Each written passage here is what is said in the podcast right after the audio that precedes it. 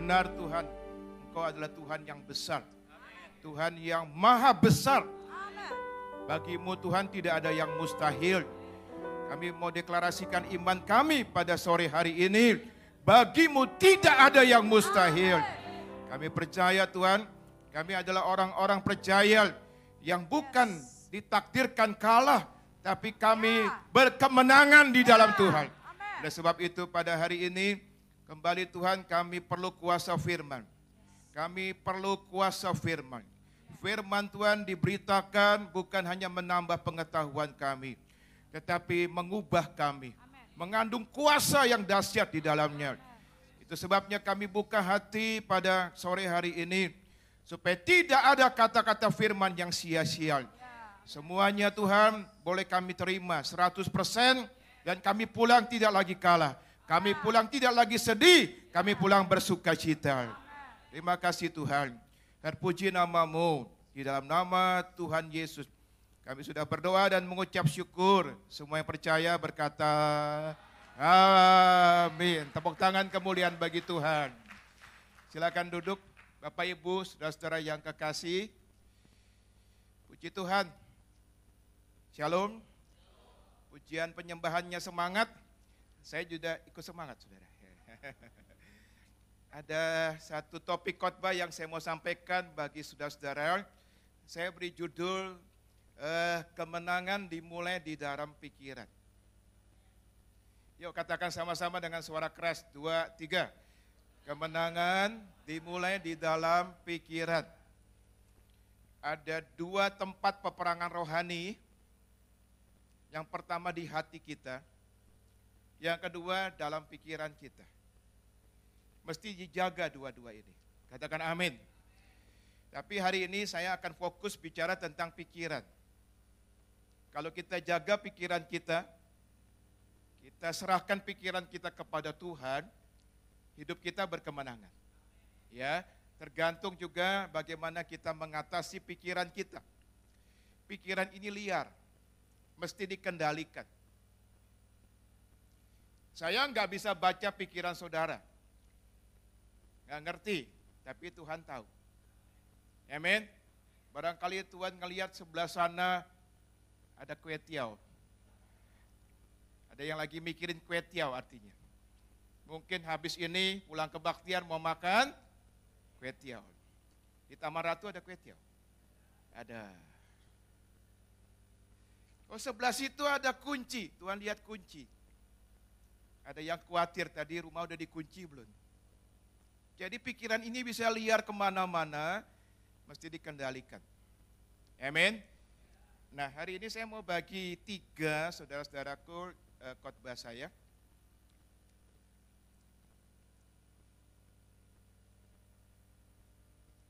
Pakai manual aja ya.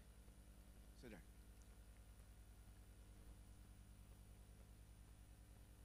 Manual aja. Saya bagi tiga khotbah saya pada sore ini.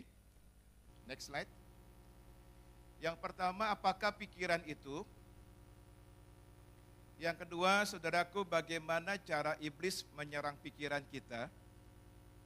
Dan yang ketiga, terakhir, bagaimana memenangkan e, peperangan dalam pikiran kita? Jadi ada tiga hal, ya. Nah, saudaraku perlu diketahui, pikiran itu sama otak nggak sama kan? Kalau otak itu adalah organ tubuh yang ada dalam diri manusia, namanya otak. Tapi kalau pikiran adalah satu fungsi yang dikerjakan oleh otak. Ya. Allah kita roh adanya. Makanya Allah tidak punya organ tubuh yang namanya otak karena dia roh adanya. Tapi Allah kita punya pikiran. Dan pikiran Allah itu sempurna kata firman. Amin saudara. Pikiran disebut juga akal budi. Maka ada ayat yang mengatakan pembaruan budi. Maksud di situ pembaruan pikiran. Nah pikiran itu penggerak dari semua tindakan kita, makanya penting. Saudara datang ke sini mikir nggak? Apa nggak mikir tiba-tiba ada di sini? Kan mikir. Hari ini saya mau ke Taman Ratu. Mikir. Ibadahnya yang jam 4 sore. Jadi saudaraku makanya penting sekali kita kendalikan pikiran kita.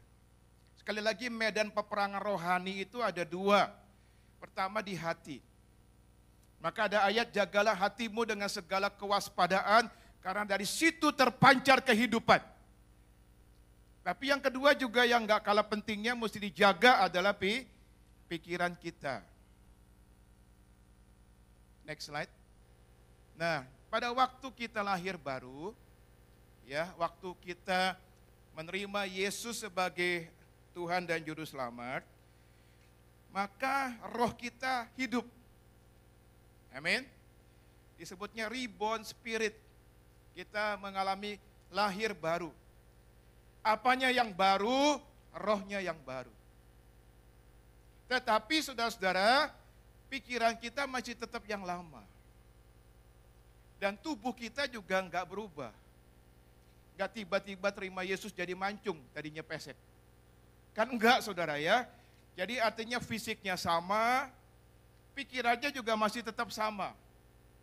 Tetapi rohnya, puji Tuhan, baru. Amin. Nah, oleh karena itu kita punya PR. Pikiran kita juga mesti ikut baru. Nah, oleh karena itu, maka pikiran kita harus diperbarui. Tapi tidak bisa instan memang. Itu mesti bertahap. Ya. Dan kemudian dikatakan juga bahwa yang dimaksud dengan apa pembaruan pikiran itu adalah merubah pola pikir kita yang tadinya mikirinnya mungkin dosa, pokoknya yang nggak sesuai dengan firman, diubah bertahap sehingga pola pikir kita sesuai dengan firman Tuhan. Katakan amin. Maka hidup saudara dan saya pasti akan diberkati. Amin. Karena kita cocokkan dengan firman. Karena kita sesuaikan dengan uh, firman Tuhan. Next slide. Nah ada ayat bagus, ayat yang gak asing ya buat kita anak-anak Tuhan. Kita baca ya ayat ini sama-sama ya dengan suara keras. Oke, dua, tiga. Janganlah kamu menjadi serupa dengan dunia ini, tetapi berubahlah oleh pembaruan budimu, sehingga kamu dapat membedakan mana kehendak Allah, apa yang baik, apa yang berkenan kepada Allah, dan yang sempurna. Penting sekali makanya pembaruan pikiran. Kenapa dihubungkan dengan kehendak Tuhan? Orang yang pikirannya belum dibarui, nggak ngerti-ngerti kehendak Tuhan. Tapi ketika pikiranmu dibarui, saudara dan saya bisa ngerti kehendak Tuhan. Katakan amin. Dikatakan di sini kehendak Allah apa yang baik, berkenan, dan yang sempurna. Makanya pikiran kita ini benar-benar mesti dijama Tuhan. Supaya kita akhirnya terbuka. Oh kehendak Tuhan dalam diri saya itu loh. Kalau ini belum dibuka, kita nggak ngerti-ngerti. Saya percaya hidup yang paling indah, hidup yang paling diberkati, hidup dalam kehendak Tuhan. Tapi pikiran kita ini mesti nyampe ke situ. Gimana caranya? Mesti diperbarui.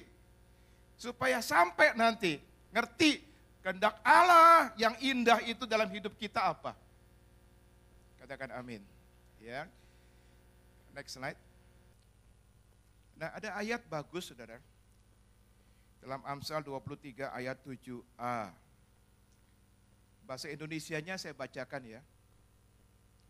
Sebab seperti orang yang membuat perhitungan dalam dirinya sendiri, demikianlah ia. Itu dalam bahasa Indonesianya begitu. Tetapi kalau dalam bahasa Inggrisnya, saya kira jauh lebih jelas. Dalam versi King James dikatakan, For as he think in his heart, so is he. Bagus ya. Jadi kita lebih ngerti. Artinya apa? Saya boleh sederhanakan artinya ialah you are what you think. Kita adalah apa yang kita pikirkan. Atau dikatakan Anda adalah seperti yang Anda pikirkan. Mikirinnya pesimis, pesimis, pesimis. Jadilah orang yang pesimis. Amin. Tapi pikirannya optimis, optimis, optimis, semangat, semangat, semangat. Jadilah orang yang optimis. Amin. Bukankah tergantung dari mindset kita? Tergantung dari pola pikir kita. Makanya Alkitab banyak sekali ngajarin tentang pikiran. Karena kunci kemenangan hidup ketika pikiran kita ini sama dengan pikirannya Allah.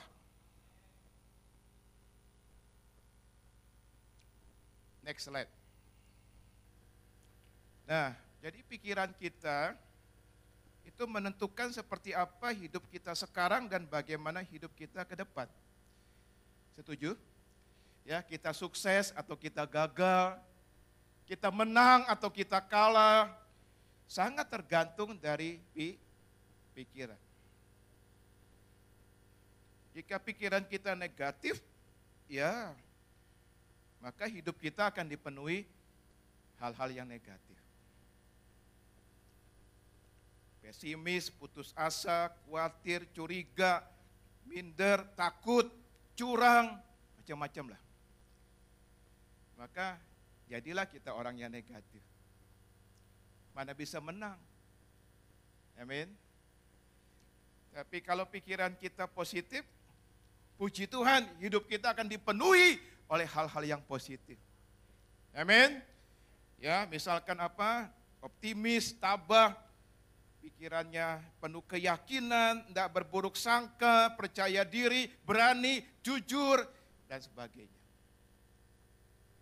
Stephen Covey mengajarkan problem cuma 10%. Tapi how bagaimana kita menghadapi problem 90%. 90%. Artinya setiap kita nggak lepas dari persoalan bukan? Tapi kenapa ada yang menang, ada yang kalah dalam menghadapi persoalan? Bukan karena ada tidaknya persoalan, tetapi bagaimana kita menghadapi persoalan itu. Dan ternyata saudaraku itu 90% loh, artinya itu justru yang paling penting. Bagaimana kita menghadapi persoalan. Bagaimana pola pikir kita dalam menghadapi persoalan.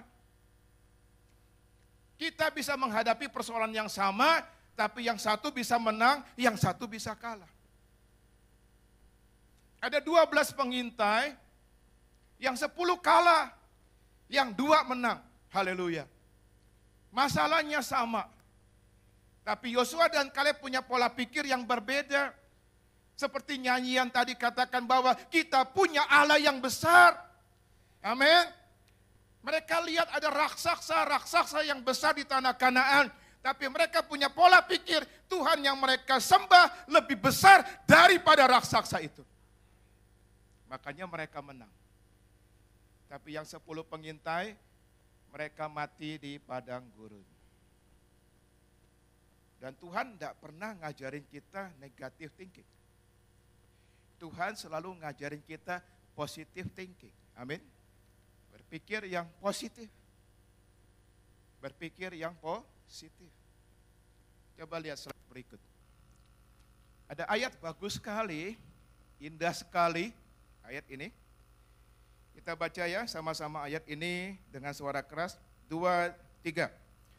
Jadi akhirnya saudara-saudara semua yang benar, semua yang mulia, semua yang adil, semua yang suci, semua yang manis, semua yang sedap didengar, semua yang disebut kebajikan dan patut dipuji. Pikirkanlah semuanya itu. Haleluya. Tidak ada yang negatif. Ada seorang ibu, dia lihat anaknya pegang dua buah apel. Lalu ibu itu berkata, nak minta satu dong. Lalu apa yang dilakukan anak kecil itu? Eh saudaraku apelnya itu dua-duanya dia gigit. Yang kiri digigit, yang kanan digigit. Padahal ibunya minta kan. Langsung saja ibunya berpikiran negatif. Anak ini kecil-kecil udah pelit. Ya kan? Anak ini serakah.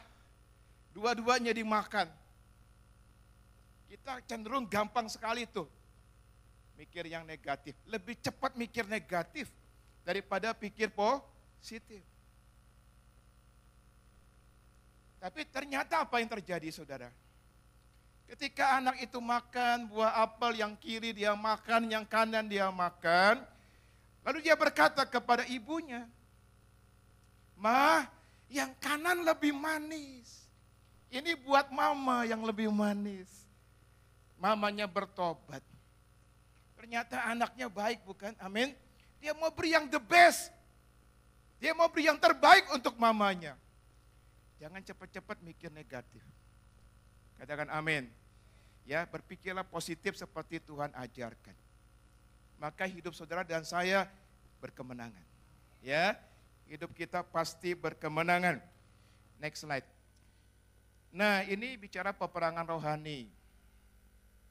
Peperangan rohani orang Kristen itu tadi saya katakan ada di hati dan ada di dalam pikiran. Nah, kalau dalam pikiran ini ayatnya. Ya, Rasul Paulus mengajarkan dikatakan di situ bahwa dia menawan segala pikiran dan menaklukkannya kepada Kristus. Jadi dalam pikiran ada peperangan rohani di mana iblis berusaha untuk mendirikan benteng-benteng, benteng khawatir, benteng takut, dan sebagainya. Sehingga akhirnya pikiran kita ini bukan pikiran Kristus lagi. Sehingga hidup kita kalah. Makanya hari ini saya percaya dengan kuasa Tuhan kita akan memenangkan peperangan rohani ini. Ya, dalam pikiran kita. Next slide. Nah sekarang yang kedua. Jadi yang pertama apakah pikiran itu? Yang kedua, kita belajar sama-sama bagaimana cara iblis menyerang pikiran kita. Jadi iblis itu serang hati, iblis bisa serang pikiran kita. Hari ini kita nggak bahas hati ya, kita bahas pikiran. Ada empat tahap iblis menyerang pikiran kita. Kita mesti tahu nih cara iblis supaya kita bisa kalahkan. Yang pertama lewat pencobaan atau godaan. Itu yang pertama. Kita ngalami itu, pencobaan atau godaan. Definisi dari pencobaan godaan adalah bujukan untuk berbuat sesuatu yang gak sesuai dengan firman. Pokoknya ada bujukan untuk berbuat sesuatu yang gak sesuai dengan firman, itu pencobaan. Macam-macam. termasuk khawatir. Karena Tuhan bilang jangan khawatir. Amin. Berarti kalau khawatir nggak sesuai firman. Tuhan ingin kita nggak khawatir. Tuhan ingin hidup saudara dan saya beriman kepada Tuhan. Jadi apa saja yang dimasukin oleh iblis yang nggak sesuai dengan firman, itu namanya pencobaan atau godaan. Martin Luther pernah ngomong gini saudara. Saya tidak dapat menghalangi burung-burung terbang di atas kepala saya. Tapi saya bisa mencegah mereka membuat sarang di rambut saya. Kalau ada burung terbang di atas kepala Bapak, Bapak nggak bisa apa-apa kan? Kalau Bapak melarang-larang itu nanti melanggar hak asasi burung itu. Ya. Tapi ketika burung itu hinggap di kepala Bapak, diapain? Apa senang?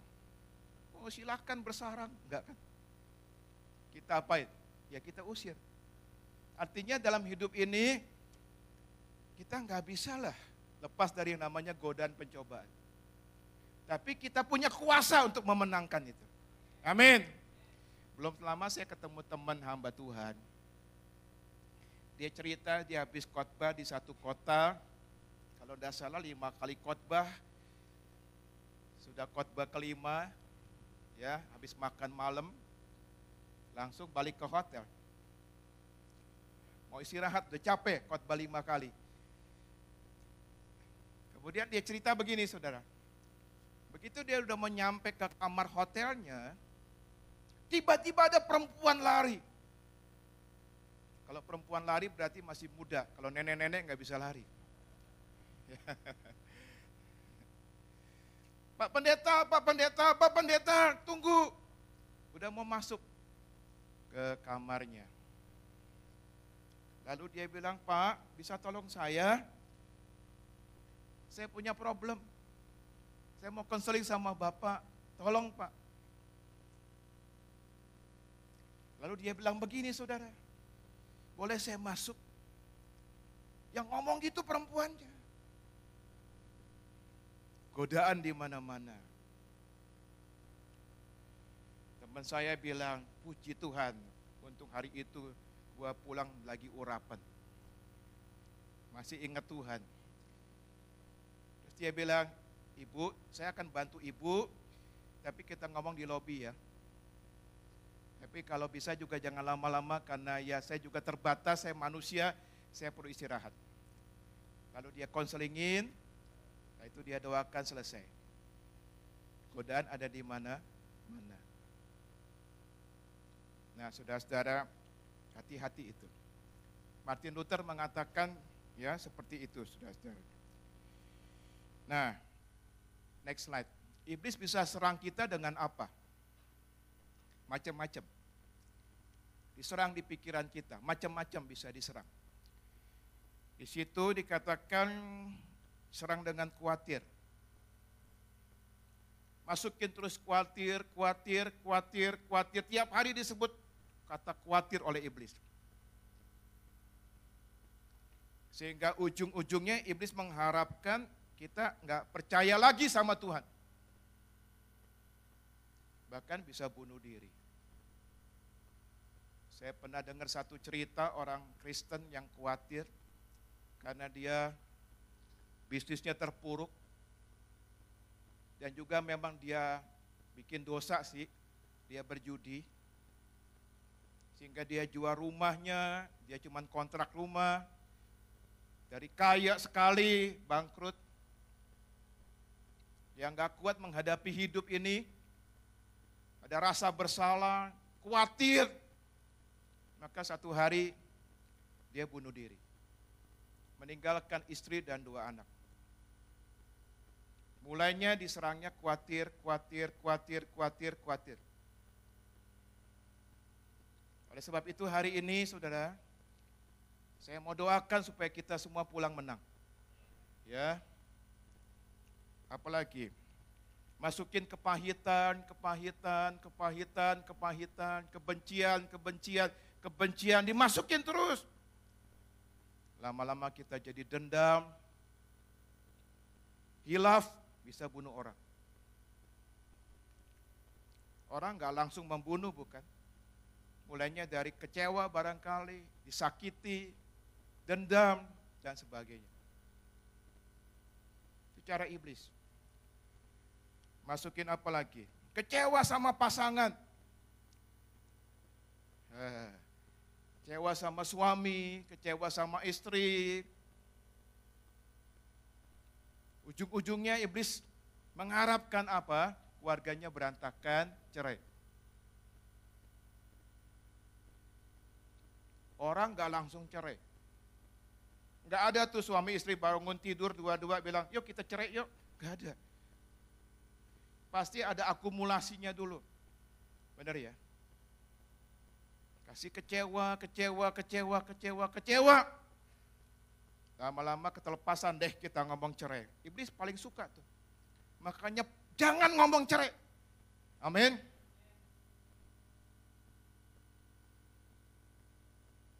Istrimu tuh udah nggak sayang sama kamu.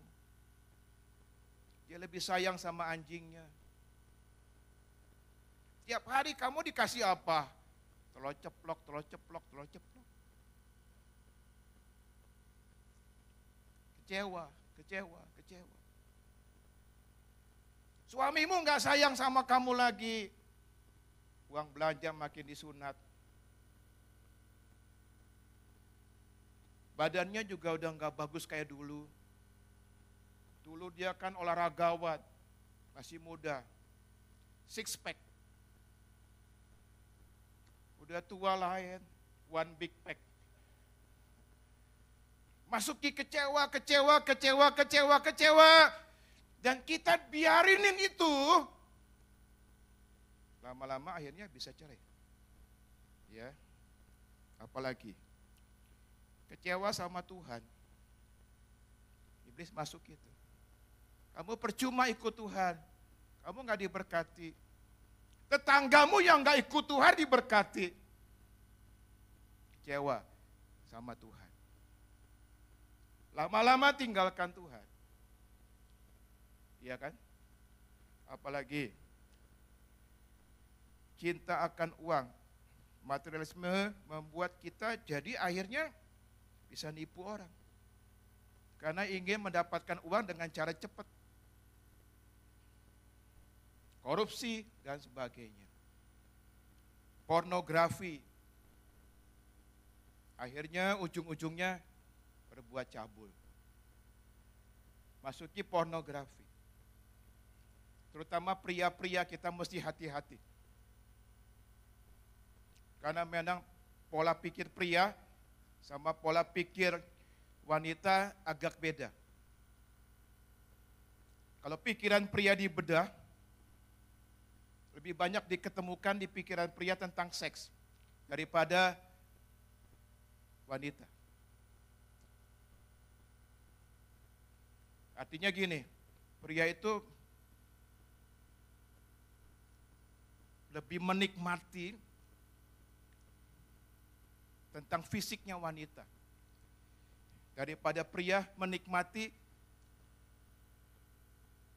apa wanita menikmati fisiknya pria. Pria lebih menikmati fisiknya wanita. Jadi makanya kalau dibedah pikiran pria itu lebih banyak tentang seks. Hati-hati kita pria. Kalau wanita beda. Enggak gitu mikirin tentang seks. Tapi ada lagi yang dia pikirin. Shopping. Laki enggak gitu mikirin. Tapi perempuan lebih mikirin. Makanya kalau laki belanja di mall cepat.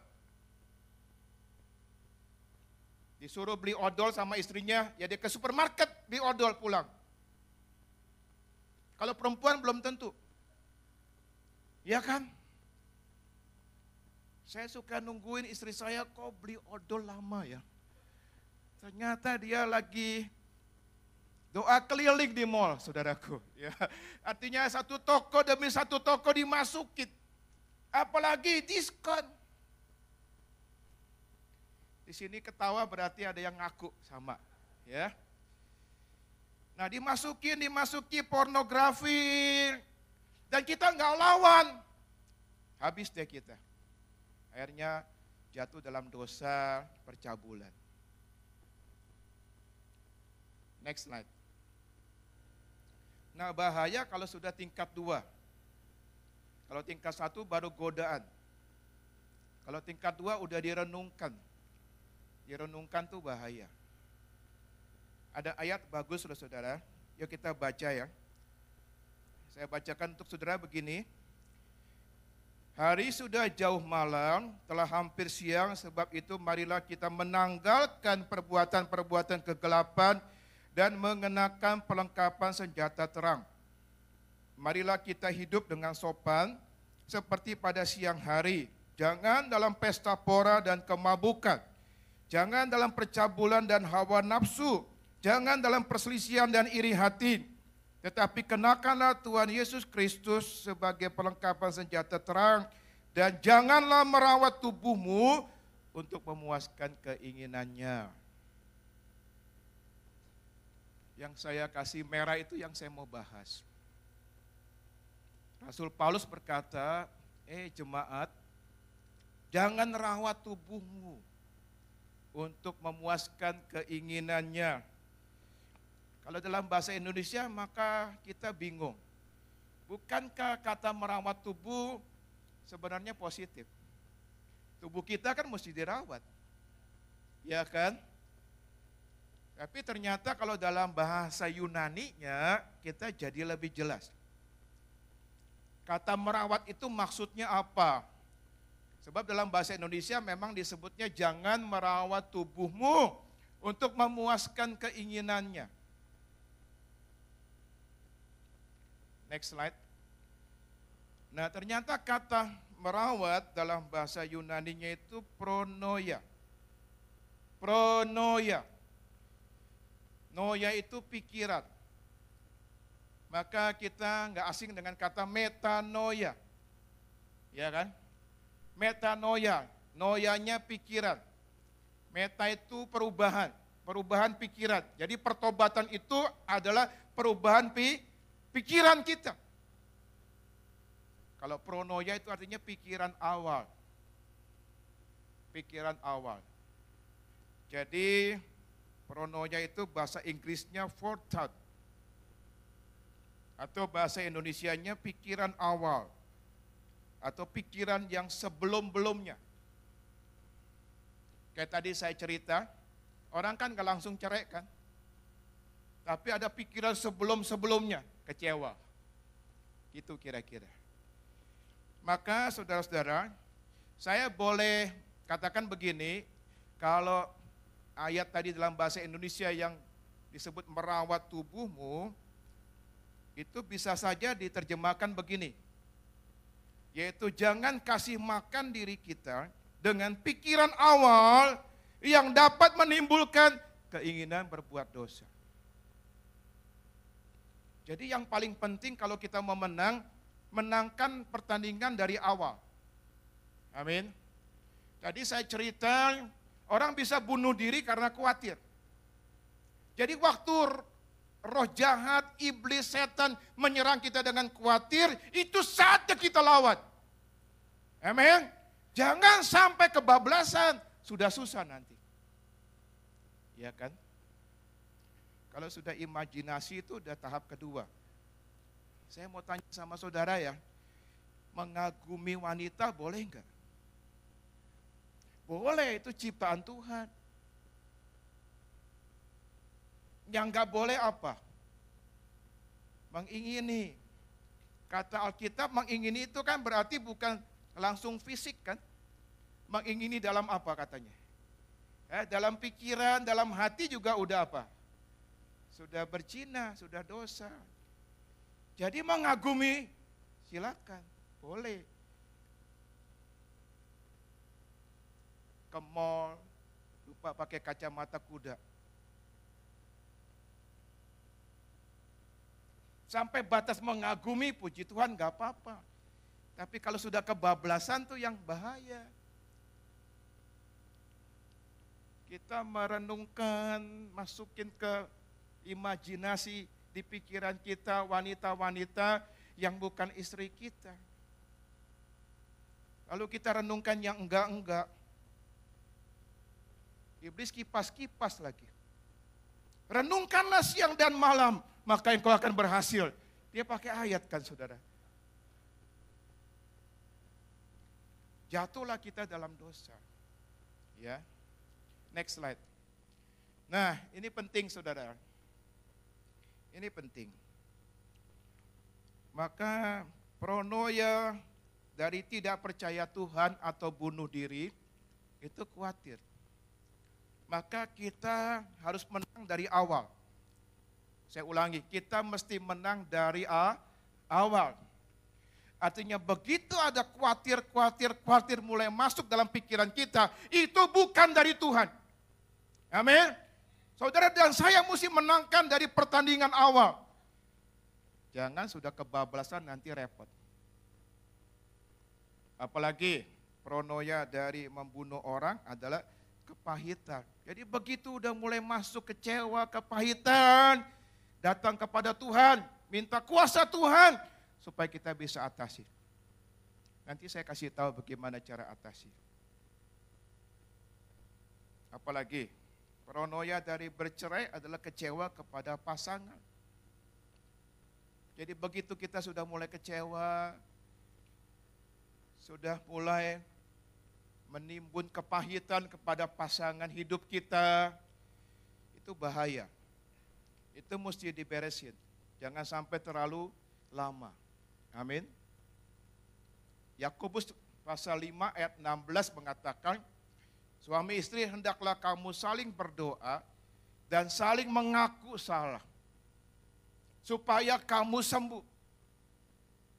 Yang terjadi adalah banyak suami istri saling mendoakan iya, tapi saling mengaku salah enggak. Karena gengsi. Dan itu ditaruh terus di hati, terakumulasi, iblis senang. Lama-lama yang paling dinanti-nantikan oleh iblis adalah kata-kata, kalau gitu kita cerai saja. Nah makanya kita mesti menang dari awal. Apalagi pikiran awal dari korupsi, menipu, ya karena kita terlalu cinta akan uang. Pikiran awal dari berbuat cabul, itu karena pornografi.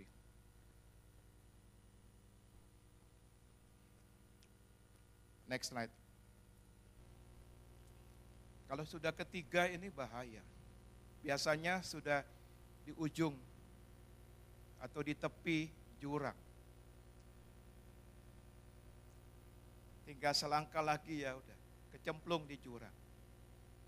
Ya, kita melakukanlah dosa itu. Kalau pornografi udah direnungkan, diimajinasikan, udah nggak tahan, timbul keinginan, akhirnya kita berzina. Setan tepuk tangan. Nah kita mesti menang jangan di tahap kedua, ketiga atau ke, keempat, tapi di tahap pertama kita udah mesti menang. Amin. Begitu ada pronoya, godaan-godaan, kita mesti atasi. Supaya saudara dan saya hidupnya berkemenangan. Nah sekarang why, uh, how-nya. Gimana? Gimana kita memenangkannya, saudara-saudara. Next slide. Gak ada jalan lain. Kecuali Bapak, Ibu, Saudara, dan saya, kita mesti kuat dalam firman Tuhan kuat dalam firman Tuhan. Katakan amin. Yesus menang atas setan karena pakai firman. Setan bilang, kalau engkau anak Allah, jadikan batu ini jadi roti. Tuhan gak bilang macam-macam, cuma bilang ada tertulis. Katakan amin, firman. Makin kuat kita dalam firman, potensi menang makin besar. Amin. Maka kalau kita baca ayat-ayat ini saudara tadi ya ayatnya. Itu ternyata Tuhan mengajarin tentang perlengkapan senjata Allah. Perlengkapan senjata Allah. Ayat yang gak asing buat kita anak-anak Tuhan. Ada banyak sekali perlengkapan senjata Allah. Ada ikat pinggang kebenaran, ada baju sirah keadilan, dan sebagainya. Tetapi ada yang saya beri warna kuning. Itu dua hal yang penting termasuk senjata peperangan. Yang pertama adalah pedang roh, yaitu fir, firman Tuhan. Yang kedua adalah berdoa dalam bahasa roh. Powerful. Makanya saudaraku kita mesti terus latih ya berdoa dalam bahasa roh. Itu senjata. Next slide. Nah, kalau saya boleh bagi dua, saya akan bilang begini. Ada senjata untuk bertahan, ada senjata untuk menyerang. Senjata bertahan itu apa? Ikat pinggang itu bertahan. Baju sirah bertahan. Apalagi kasut bertahan Perisai jelas buat bertahan. Diserang musuh kan pakai perisai ya, bertahan. Ketopong tahu ya, untuk melindungi ke kepala. Itu juga buat bertahan. Tapi kalau perang, saya kira kita sepakat ya, bertahan terus nggak nyerang-nyerang ya kalah juga. Benar nggak saudara? Siapa di sini yang senang sepak bola? Siapa yang senang sepak bola? Gak ada. Kesebelasan sepak bola kalau cuma kuatnya bertahan, nggak pernah nyerang-nyerang, nggak pernah bikin gol, ya nggak menang juga kan. Jadi mesti kuat bertahan dan juga mesti pintar apa menyerang. Nah senjata menyerangnya cuma dua, dua-duanya mesti dipakai. Amin. Jadi yang pertama powerful itu bahasa roh. Makanya saudaraku untuk terus latih bahasa roh kita. Yang kedua adalah firman Tuhan. Haleluya. Maka saudara nggak pernah diajarkan kan makan firman itu setiap hari minggu doang. Benar ya? Makan firman setiap hari. Renungkanlah firman Tuhan siang dan malam. Disuruh renungkan. Jadi imajinasikannya yang bukan yang tadi, yang jelek-jelek itu. Tapi imajinasikannya firman Tuhan. Haleluya. Maka kita pasti akan berkemenangan dalam hidup itu. Next slide. Nah kita sekarang menangkan peperangannya dengan empat tahap juga. Sama. Kalau iblis nyerang kita dengan empat tahap, digoda, suruh kita imajinasikan, nerawang, renungkan, ngelamun, Lalu timbullah keinginan berbuat dosa. Lalu jatuhlah kita dalam dosa. Empat tahap. Nah kita coba sekarang menangkan juga dengan empat tahap. Tapi dengan cara kita. Untuk kita menangkan. Jangan pakai cara iblis tadi. Next slide. Yang pertama saudaraku. Bangkitkanlah kegemaran akan firman Tuhan. Gak ada jalan lain. Saya cukup lama ya melayani Tuhan ya. Saya lihat kalau jemaat, anak-anak Tuhan yang fanatik, yang ekstrim dengan firman Tuhan, hidupnya berkemenangan. Amin. Karena itu Alkitabiah, saudaraku. Jadi bangkitkan kegemaran akan firman Tuhan. Biarlah rahmatmu sampai kepadaku supaya aku hidup. Sebab Tauratmu adalah kegemaranku. Haleluya. Saudara-saudara, gelas ini berisi air. Kalau misalkan gelas ini airnya saya keluarkan semua, kita bilang gelasnya kosong kan? Tapi sebenarnya ada benda juga di dalamnya. Meskipun kelihatannya kosong, ada benda. Namanya udah udara. Setuju? Ada udara, enggak hampa udara. Ada udara. Pertanyaan saya Bapak Ibu, kalau ada gelas di dalamnya ada udara, dan saya mau keluarkan udaranya dari gelas itu, caranya gimana?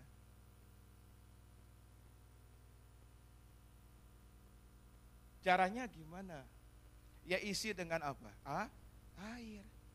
Begitu air ini penuh di gelas ini, nggak ada udara. Yang ada ah, air. Benar? Sama juga dengan pikiran kita. Pikiran kita banyak yang jelek-jelek. Dosa, sehingga membuat kita kalah. Gimana tuh cara ngeluarinnya? Ya, analoginya Pikiran yang jelek itu udara. Udara dalam gelas. Jadi kita sepakat ya keluarkan udara dalam gelas dengan cara ngisi ah, air. Begitu airnya penuh, sudah nggak ada udara. Adanya ah, air. Sama juga. Gimana tuh cara mengeluarkan yang jelek-jelek dari pikiran kita? Isi yang baik. Apa itu fir? Firman. Saya ngalami saudara, kalau saya kurang firman, pikiran ngelantur. Tapi kalau saya lagi kuat firman, firman Tuhan menguasai pikiran saya. Katakan amin. Begitu diserang khawatir, firman muncul. Haleluya. Bukankah firman berkata jangan khawatir. Bukankah firman berkata serahkan khawatirmu kepada Tuhan. Dia yang akan pelihara kamu itu yang keluar. Nggak ada tempat lagi untuk khawatir. Kenapa? Firman. Katakan amin. Next slide. Yang berikut imajinasikan firman, bukan yang tadi tuh. Tapi sekarang firman yang diimajinasikan, direnungkan siang dan malam. Haleluya, membuat hidup saudara dan saya berhasil. Next slide. Nah setelah itu pasti deh, kalau kita sudah berhasil ya di poin 1, 2, maka hidup saudaraku akan diisi oleh keinginan. Artinya begini, rasanya kalau setiap satu hari saja nggak berhubungan sama firman, nggak bisa. Berarti kita ini sudah menjadi satu habit kita, hidup kita itu nempel sama firman. Amin. Rasanya kalau satu hari nggak ketemu firman, pasti ada yang kurang. Gitu. Ada orang tertentu kan setiap hari mesti ketemu kopi. Katanya kalau nggak ketemu kopi pusing. Ada tuh yang begitu. Ya, kalau teman saya lebih lebih parah sebenarnya, saya udah nasihati, nggak bagus itu. Minuman dia tiap hari saudaraku bukan air putih lagi. Ya minum si air putih, tapi bukan itu. Minuman yang bersoda itu. Jadi itu minuman dia. Ya kayak apa? Ya. Jadi dari pagi sampai malam itu. Dia bilang, kalau saya nggak minum itu, nggak bisa kerja. Ada yang fanatik kayak gitu ya. Nah, jadikan firman kayak begitu. Amin saudara.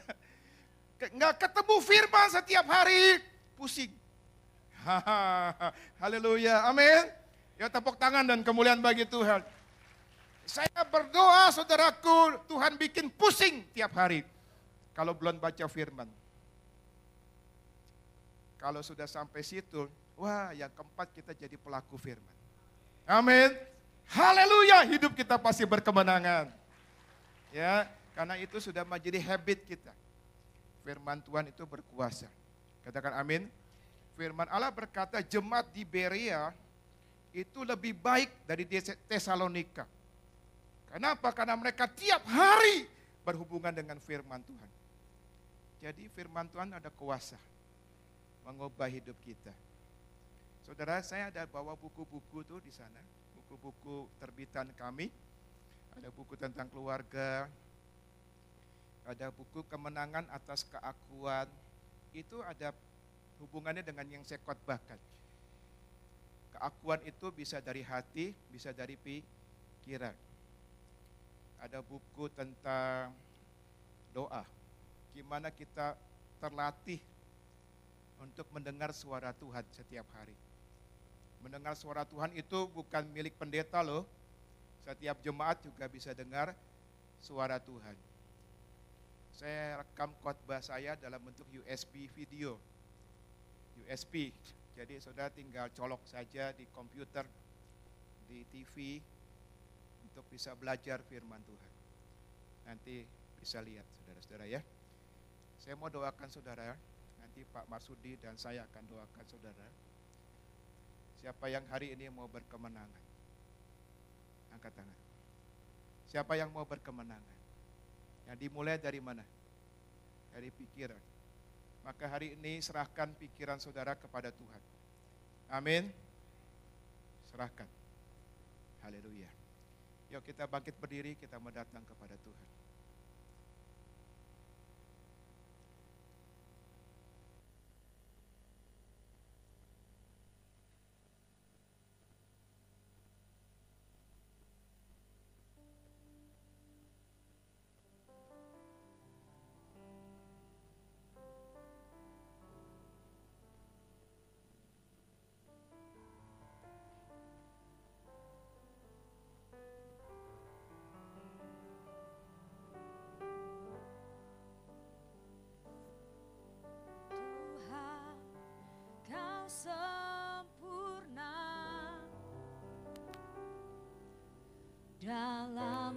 Dalam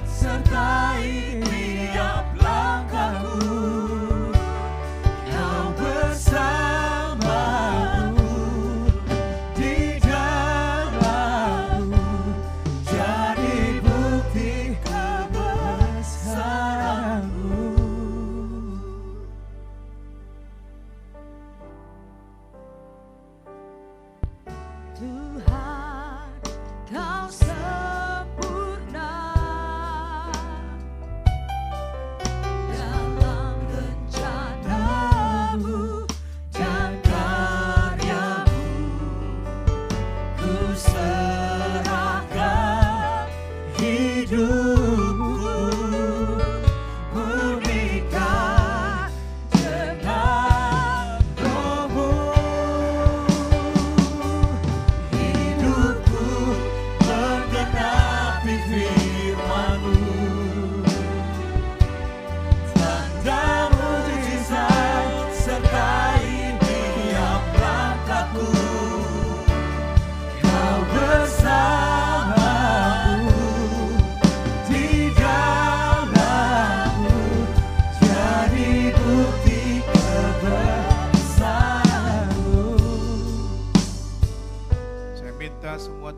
Mata, tundukkan kepala di hadirat Tuhan. Kemenangan kita dimulai dari pikiran kita. Dan siapa yang bertugas untuk memperbarui pikiran bukan Tuhan. Tapi engkau sendiri. Tapi dengan pertolongan Tuhan. Dengan kasih karunia Tuhan. Kalau enggak, kita enggak mampu.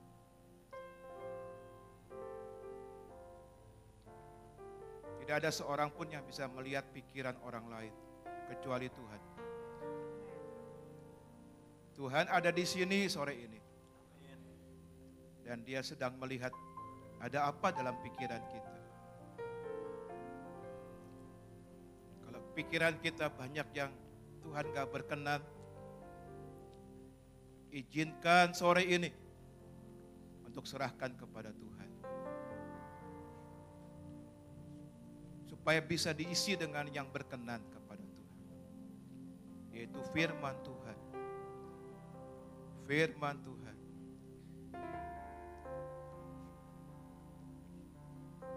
Kalau hidupmu diliputi oleh pikiran-pikiran yang negatif, pesimis, khawatir, dan sebagainya,